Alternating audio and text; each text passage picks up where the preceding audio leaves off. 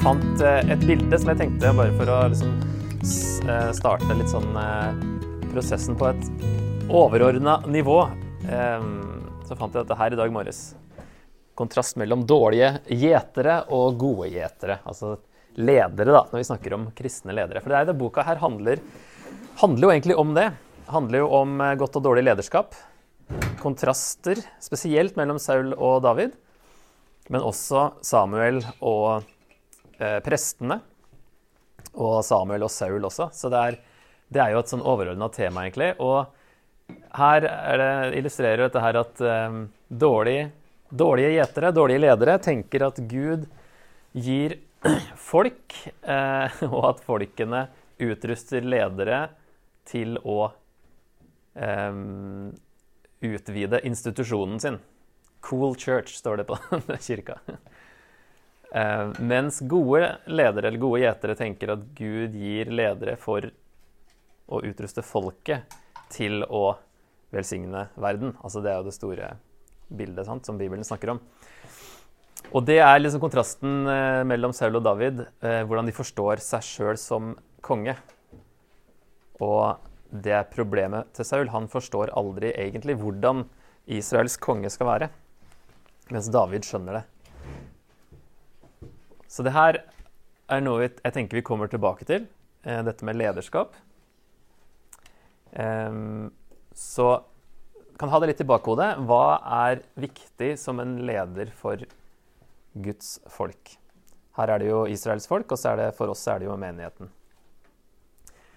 Hvem sin menighet er det snakk om? sant? Er det lederen sin menighet? Eh, eller skal han liksom bare bygge institusjonen? Eller er det Guds menighet, og det er folka som skal bygges? Eh, hva er målet, og hvordan man tenker om det, da? For da har vi da David som peker fram på Jesus som den aller beste gjeteren. Og så har vi Jesus som gir eksempelet til oss, hvordan vi skal være ledere. Så den skal vi ta litt videre, men dette er bare sånn start. Og så er det jo Bibelens historiske bøker vi snakker om her. Og jeg tenkte å ta, Det her kunne vi jo tatt tidligere i prosessen, men eh, litt om eh, akkurat dette ordet historie. Fordi historie er jo et nyere gresk ord. Sånn at det blir å bruke et moderne ord på Eller i hvert fall et nyere ord på noe som er eldre enn ordet. Derfor, da, da kan det bli litt sånn eh, feil definisjon av hvordan de bibelske forfatterne tenker når de skriver historie. For det er ikke det samme. Bibelsk historieskriving er ikke moderne historieskriving. Hendelsene presenteres jo som om at de faktisk skjedde. Det er jo historie, men så er fortellingene her mer enn bare historie. Det er ikke bare en nøytral, så vidt man får til det, eller en objektiv liksom, gjenfortelling av hva som skjedde. Det er noe mer. Og de tolker jo det som skjer. Og tolkningene er like viktige som selve hendelsene. Og vi ser i hvert fall et par eksempler i Samuelsbøkene på at teologi er viktigere enn kronologi. Sånn at når kronologien plutselig brytes, så er det for å få fram et teologisk poeng som er egentlig viktigere enn at det skal komme i kronologisk rekkefølge. Og Det er litt sånn som vi kanskje i Vesten er vant, mer vant til å tenke uansett, da, at det skulle komme i kronologisk rekkefølge. Mens de er ikke så opptatt av det i de historiske bøkene. Teologi er inne i bildet, sånn at det er egentlig forkynnende historie, kan vi si da. Eller teologisk historie, om du vil si det. Så det er, det har, det er teori, eh, historie med teologisk, en teologisk hensikt. Så når forfatteren tolker for oss hva som skjedde, og hva det betydde, og hva Gud mente, og sånne ting, så er det ment å tas som eh, sannheten. Forfatteren er alltid troverdig. Vi har ikke egentlig noe grunn eller eh, Det er ikke noe poeng å liksom stille spørsmålstegn ved om forfatteren her vet hva han skriver om. Det er, det er sånn Når man leser de historiene, så er det det her er sannheten. Um, og så tolker han for oss noen ganger. Hvem er forfatteren, da? Det er jo ikke så lett å vite med disse bøkene, for de er jo anonyme. Samuel er jo altså, oppkalt etter han, men han er jo tydeligvis ikke forfatteren av hele verket, siden han dør i kapittel 25. Men vi har jo sett med Mosebøkene at det var vanlig å opp, oppkalle et skrift etter åpningen eller en tidlig hovedperson, sånn som her, da. Ikke sant? Eh, første Mosebok på hebraisk heter jo 'I begynnelsen'. Andre Mosebok heter uh, heter Dette er navnene. Ja, navnene heter den. Etter hvordan andre Mosebok begynner. Tredje Mosebok heter 'Og han kalte'. Fjerde Mosebok heter 'I ødemarken'. Og femte Mosebok heter uh, 'Ordene'. Sånn at uh, de oppkalte etter starten for å liksom bare en sånn en link. Og her har vi da sikkert oppkalt etter Samuel, siden han er hovedpersonen i begynnelsen. Men han kan jo ikke ha skrevet hele. Jødisk tradisjon sier at uh, det var profeter, tre profeter, som skrev uh, Samuelsbøkene. Det er Samuel sjøl som skrev kapittel 1 til 24. Og så er det Natan som er med i Altså det er profeter som, er i, som har med David å gjøre, da. Natan han nevnes i 2. Samuel 7 til 12, og Gad som er med fra 1. Samuel 22 til 2. Samuel 24. Så sammen så dekker de hele eh, innholdet. Og det er trolig basert på første krønike 2929, som sier at eh, det som er å fortelle om David fra først til sist, er skrevet opp i seeren Samuels krønike, i profeten Natans krønike og i seeren Gads krønike. Så det er i hvert fall sånn de har tenkt om det eh, alltid.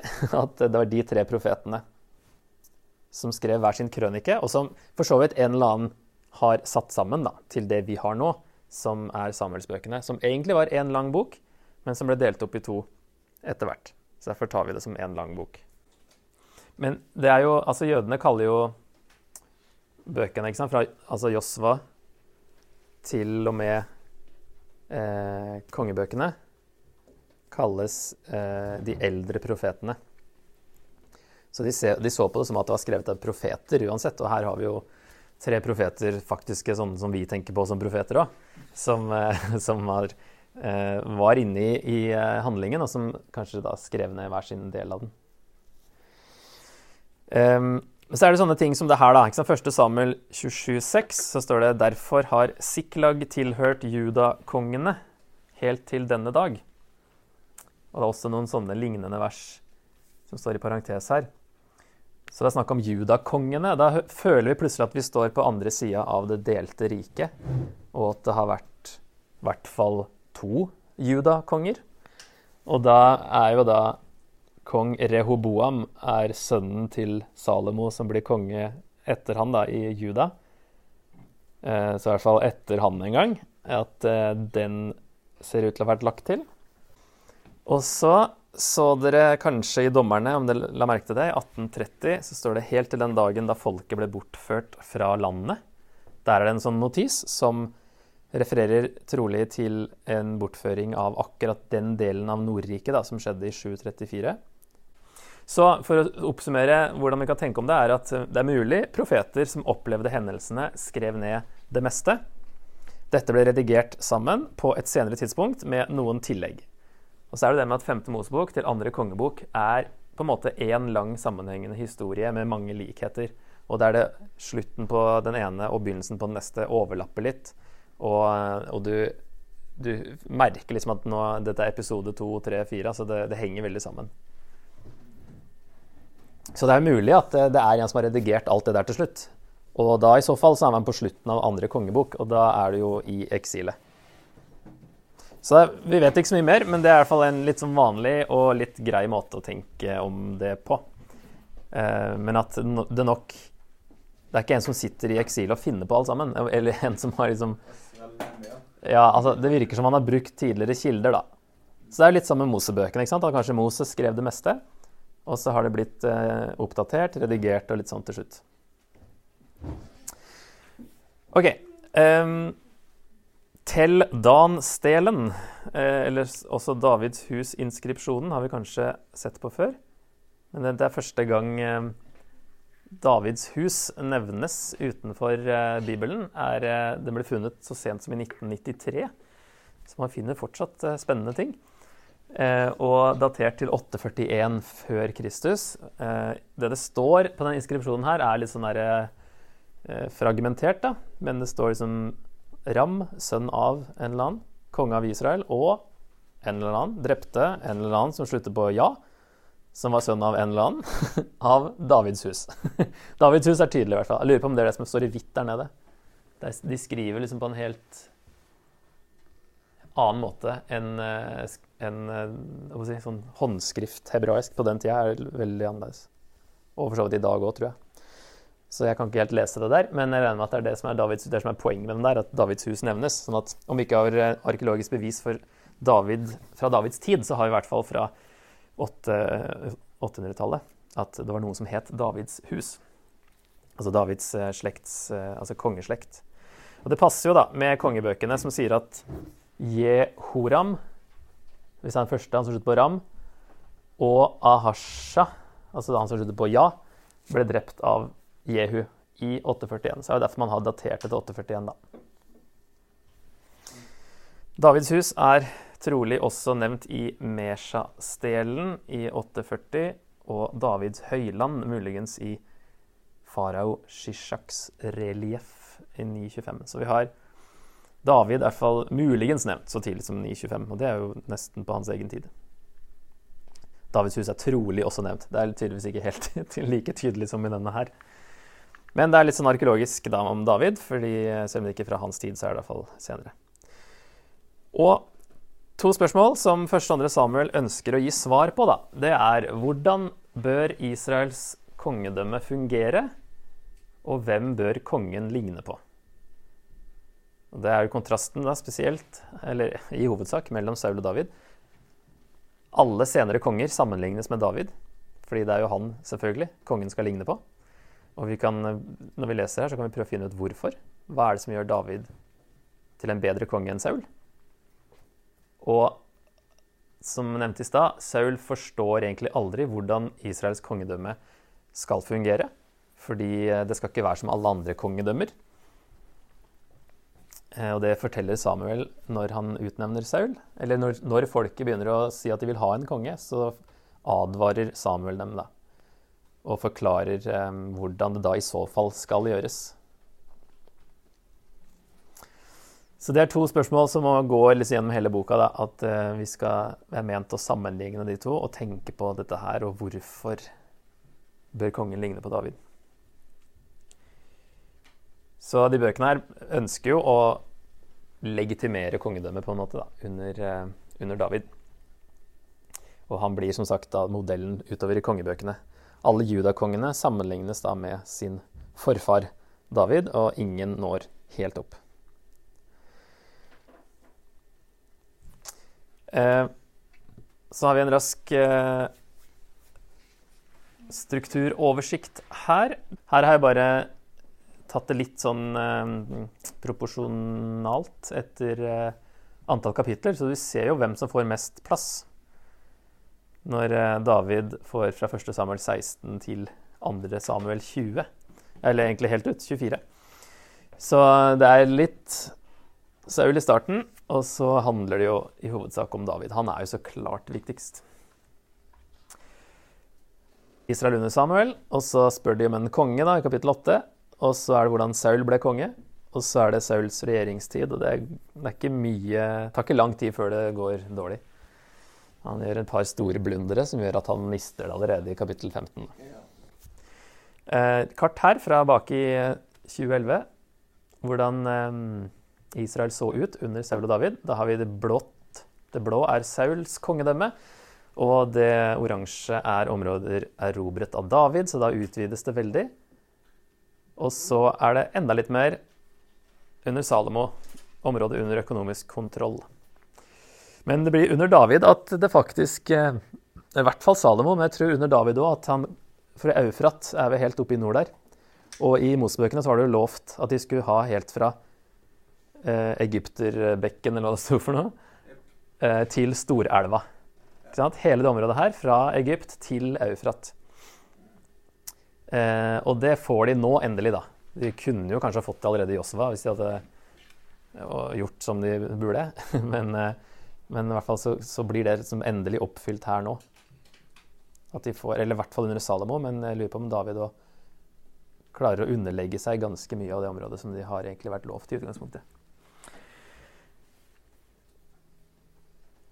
som det ble lovt faktisk i første Mosebok 15. Siste jeg tenkte å ta, for det er bare litt om filisterne. De er jo hovedfienden her.